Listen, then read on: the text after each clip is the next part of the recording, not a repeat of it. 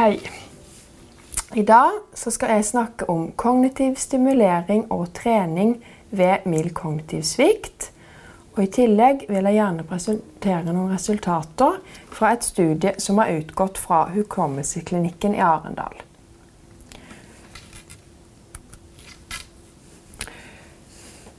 Symptomer på mild kognitiv svikt kan være problemer med én eller flere kognitive funksjoner. F.eks. hukommelse, at ny informasjon glemmes fort. Oppmerksomhetsvansker er hyppige, og de kan vises gjennom at den er lett å distrahere, og at en f.eks. har problemer med å gjøre flere ting på en gang, sammenlignet med hva en hadde før. Vansker med å bruke språket kan vises gjennom at en leter etter ord, har problemer med å komme på navn og lignende. Og problemer knytta til resonnering og problemløsningsfunksjoner kan vises gjennom vansker med å tenke abstrakt, oppnå oversikt og se for seg konsekvenser av hendelser og handlinger som en ikke hadde før. Så når en snakker om mild kognitiv svikt, så er det altså sammenlignet med hva som er vanlig for aldring, normalaldring, og hva som kanskje går over i noe som kan være sykt. Derfor er vi obs på denne typen vansker. Mange lurer på hva som er normalt og hva som er unormalt med tanke på kognitiv funksjon når en blir eldre. Og det er en glidende overgang mellom hva som er normalt og hva som ikke er det. Så det kan være vanskelig å oppdage. En kan si at det kan være normalt å glemme navn på bekjente, men det er ikke normalt å glemme navnene på de aller nærmeste stadig vekk. Og det kan være normalt å glemme hvor en har satt fra seg bilen en gang iblant, men det er ikke normalt å huske det eller å glemme det daglig. Det er normalt å glemme hvor nøklene ligger, eller hvor man har lagt de, men det er ikke normalt å glemme hva en nøkkel skal brukes til.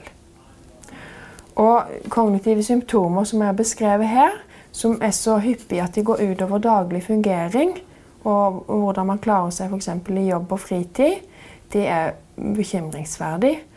Og de kan gi grunnlag til at en blir henvist av fastlege for en utredning på en hukommelsesklinikk.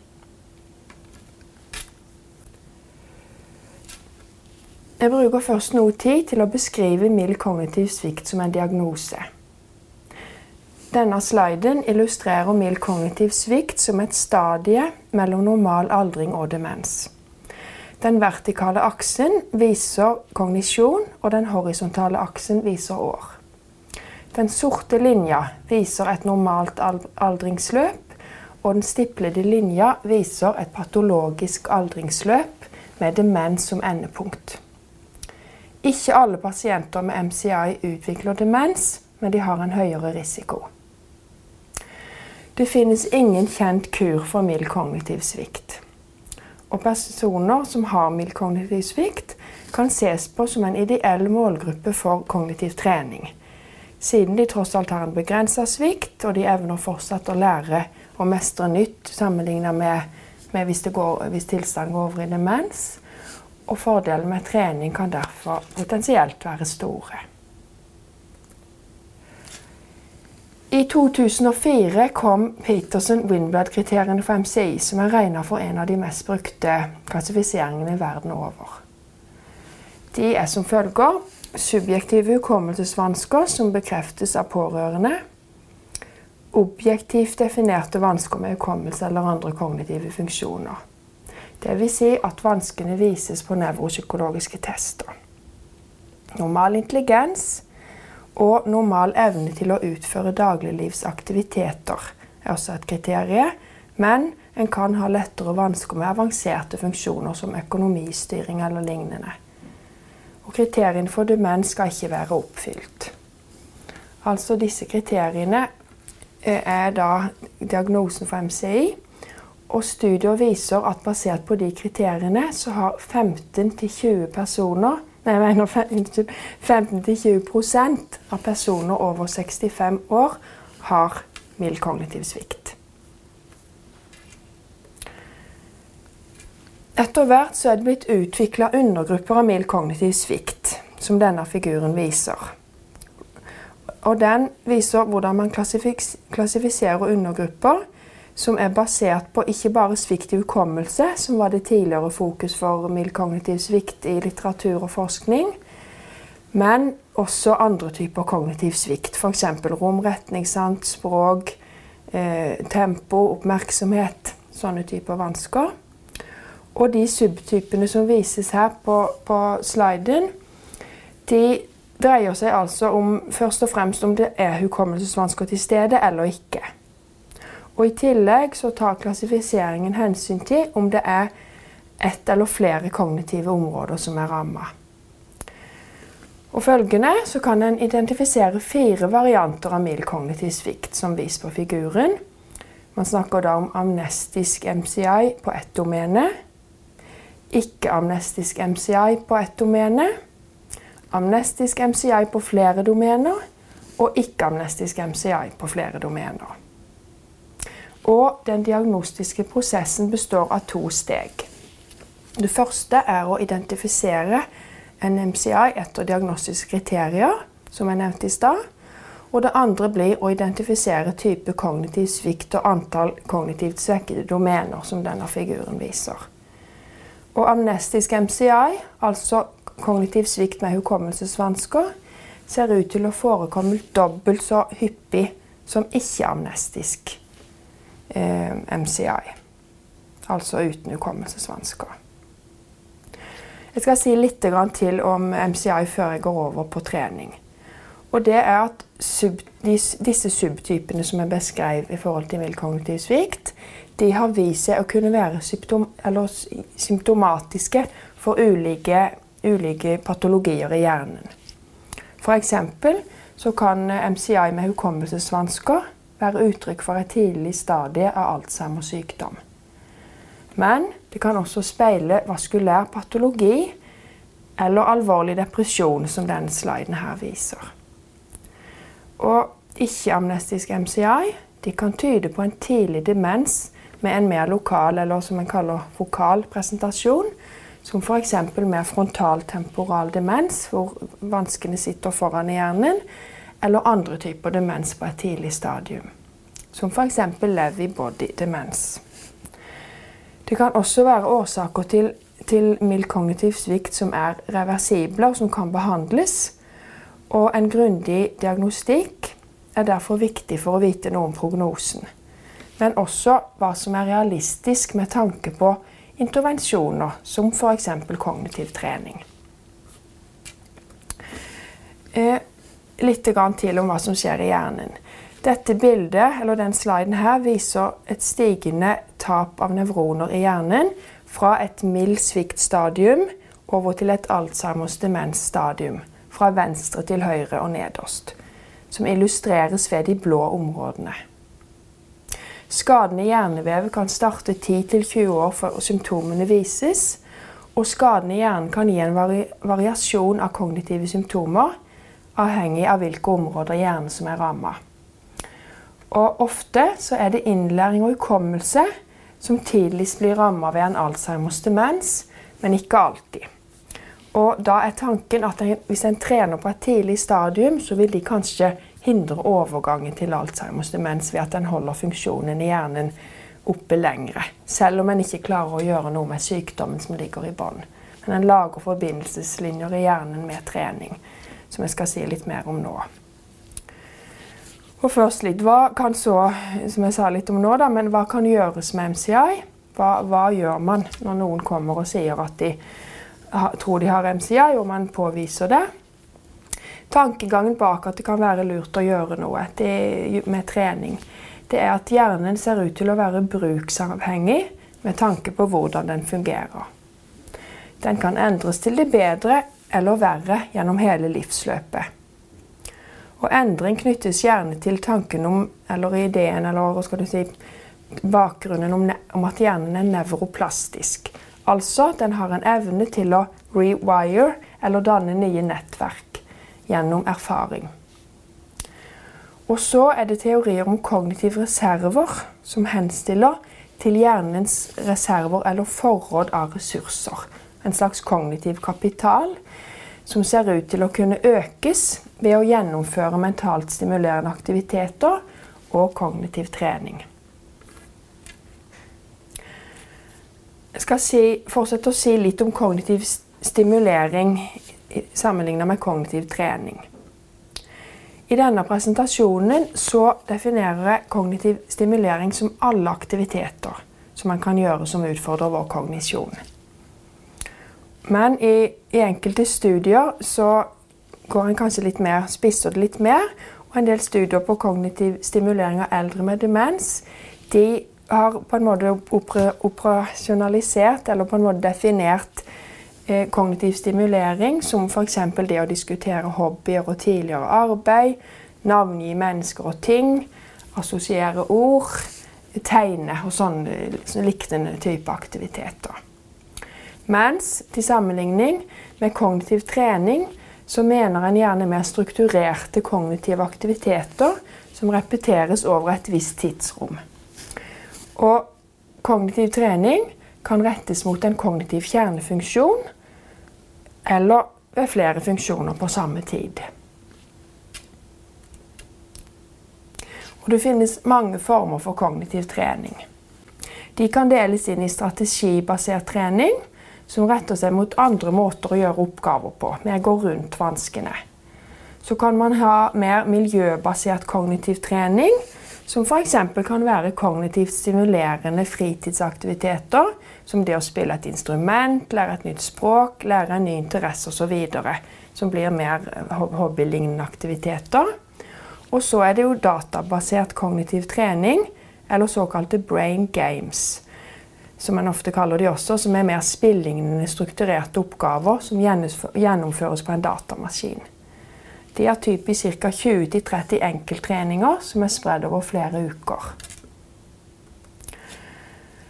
Og Databasert kognitiv trening retter seg typisk mot en kognitiv kjernefunksjon, som jeg var litt inne på i stad, som jeg tenker skal retrenes tilbake til en normal funksjon, hvis en kan si det sånn. Og denne typen programmer har ofte en trening som har de som vi kaller et adaptivt element. Dvs. Si at vanskelighetsgraden på programmet, eller oppgaven i programmet justerer seg kontinuerlig i forhold til hvordan personen som trener, gjør det det tilpasser seg vanskelighetsgrad. Så det verken blir for vanskelig eller for lett, men, at det blir utfordrende hele tida. Um, dette anses som et viktig element ved trening, og noe som kjennetegner den nye generasjonen av treningsprogrammer for både kognitiv svikt og, og normal, ved normal aldring. Og rasjonalet da er altså at treningen virker fordi den er basert på at den skal forsterke kognitive reserver ved å styrke hjernenettverk. Og at den også bygger på det som jeg sa i stad om nevroplastisitet og teorier om hjernens evne til å kompensere i møte med sykdom og skade. Altså at den prøver å øke funksjonen. Eh, databaserte programmer kan, være, kan ha blitt sett på som kontroversielle, siden noen av de er styrt av et kommersielt marked som ofte lover for mye med tanke på treningseffekt. Men på den andre side så er det viktig å tenke, viktig å få fram at, at gode studier har vist lovende funn også for denne type trening ved, ved kognitiv svikt. Jeg skal si litt tid om bakgrunnen for studier og nevroplastisitet. For dette det viser nå et bilde fra Londons veinett. Grunnen til at jeg viser det, er at den viser til en studie som satt fokus på hjernens bruksavhengighet, og inspirerte en rekke med studier som kom i etterkant. En studie som satt fokus på hjernens bruksavhengighet, er Maguires London Taxi Driver-studie fra 1997. Her undersøkte man volumet i bakre hippocampus hos drosjesjåfører i London. Etter flere år med kjøring og sjåfører som hadde klart den krevende kjentmannsprøven. London er kjent for å ha veldig vanskelige prøver for, for, for drosjesjåfører. Og man fant i studiet at voluma hippocampus, altså området for spatial navigering, økte proporsjonalt med måneder som taxisjåfør. Og til sammenligning så fant en ikke samme effekt hos personer som kjørte buss, i samme antall måneder med faste ruter. I stedet for å, å, å vurdere beste rute, som taxisjåførene da gjorde. Og dette og lignende studier ga empirisk støtte til nevroplastisitetsteorier, og spesielt tanken på at hjernen bygges ekstra opp ved å gjøre krevende aktiviteter, hvor man utfordrer den. En mengde studier gir støtte for at kognitiv trening kan gi positive effekter på kognisjon og andre mål relevante for daglig fungering. Ehm, og det ser ut til at det er mange typer trening som virker, ikke bare én type, men at det kan, kan være mye som kan fungere. Eh, både eh, strategiske former for trening, hvor man eh, som jeg sa, bruker å gå rundt vanskene med å finne gode strategier. Og retreningsformer som er mer eller restaurative, som man trener den svake funksjonen. Begge de typene ser ut til å ha positiv effekt ved mild kognitiv svikt. Og jeg skal si litt om vårt eget studie fra Arendal, hvor vi har sett på arbeidsminnetrening en arbeidsminnetreningstype som heter COGMED, eh, som, som, vi har undersøkt på 69 pasienter som har diagnosen mild kognitiv svikt. Og som bildet viser her, det er forsida på hva som møter en når en åpner programmet. Det, data, det ligner på et dataspill. Man trener her fem ganger ukentlig. 40 minutter per dag over fem uker. Og bildet viser da hva som en møter hver dag de, over de eller 25 gangene som det varer. Det er altså roboten og menyer med ulike oppgaver som en skal gjøre hver dag. Og et eksempel på en slik oppgave ses her. Det er rett og slett med sånn pugg, pug og drill, men allikevel en vanskelighetsgrad som er tilpassa hvordan en presterer. Så her ser dere at det er en kube her. Og den, er altså den er altså slik at, eller Instruksjonen sier at lampene på kuben vil lyse opp. Man skal prøve å huske rekkefølgen på, på de, sånn som det lyser, og svare etterpå ved å klikke på de lampene som man tror lyste, og gjøre de samme rekkefølge. Og Det er en type oppgave. Og så har en altså lignende oppgaver som går på å høre lyd, tall, reversere tall. Så det er både lyd og bilder her, og, men det er rett og slett en arbeidsminne eller det aktive korttidsminnet som en vil trene i det programmet. Um, og hva vi fant i studiet vårt, var at det ser, ut til at pasientene har effekt på arbeidsminnefunksjonen.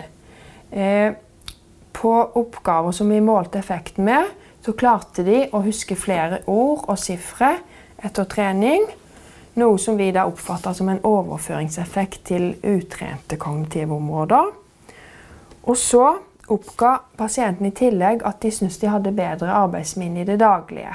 Som f.eks. å huske koder og instruksjoner bedre, navn eh, på personer man nettopp hadde møtt, kanskje, og husker flere ledd fra en hand handleliste. Slike typer ting følte de var blitt litt bedre etter treninga. Men det var, eh, effekten avtar ganske fort, så det ser ut som at det er en ferskvare, det her. da. Jeg skal si litt om det etterpå ja, og Det fører meg egentlig over til det som kommer nå. og det er hva, eller når hva er, det, hva er det viktig med kognitiv trening for at den skal virke? Hva er elementene som en tenker må være på plass? Og da tenker han at følgende elementer som viser seg på sliden, må være avgjørende. Altså Treningen må først og fremst rette seg mot en kjernefunksjon eller en viktig kognitiv funksjon, eller med tanke på et underliggende nettverk i hjernen som er viktig for daglig fungering. Og så bør en også trene en svak funksjon, som en, som en kaller en såkalt bottleneck for daglig fungering. At det er noe som skal trenes eller gjøres bedre. Og så kan en tenke at dosen bør være tilstrekkelig. At det er nok ganger til at Akkurat på samme måte som en tenker at fysisk trening må være en stund og ha en viss viss vanskelighetsgrad, så tenker en at, eh, at, kognitiv trening også må ha elementer. At det skal være utfordring og nyheten interesse med det. Det, det. det, tror en er viktig. Men igjen så kan det være veldig individuelt. For noen så kan et program som for andre er lett, være ganske utfordrende. Så det vil være store variasjoner i forhold til hva som er et vanskelig program eller en vanskelig trening. Og som jeg sa, Kognitiv trening ser altså ut til å være ferskvare på samme måte som fysisk trening. Og treningen bør gjentas jevnlig for å holde effekten ved såkalte booster sessions. Dvs. Si at en følger det opp ved å gjøre noe lignende etter hvert. At ikke en tenker at fordi en har trent i fire uker, så vil det vare veldig lenge. Men det varer en stund, ser det ut som. Og i tillegg så er det viktig å huske at kognitiv trening selvsagt ikke er en sånn, hva skal du kalle det, magic bullet eller en eh, med tanke på å øke kognitiv funksjon. For det er mange andre ting som også, også er viktig å gjøre. I hvert fall når en tenker på Hvis en MCI som en risikofaktor et forstadie til demens, så vil en tenke at det er en sykdom i hjernen som bare blir verre og verre. Og da er det selvsagt mer som må til enn å trene kognisjon. Så, men sammen med fysisk trening, regulering av blodtrykk, sunt kosthold av middelhavstypen, så tenker han at kognitiv trening kan være en del av flere elementer samtidig, som kan være viktig for å holde kognitiv funksjon oppe litt lenger enn den ville gjort uten slik type trening. Takk for oppmerksomheten.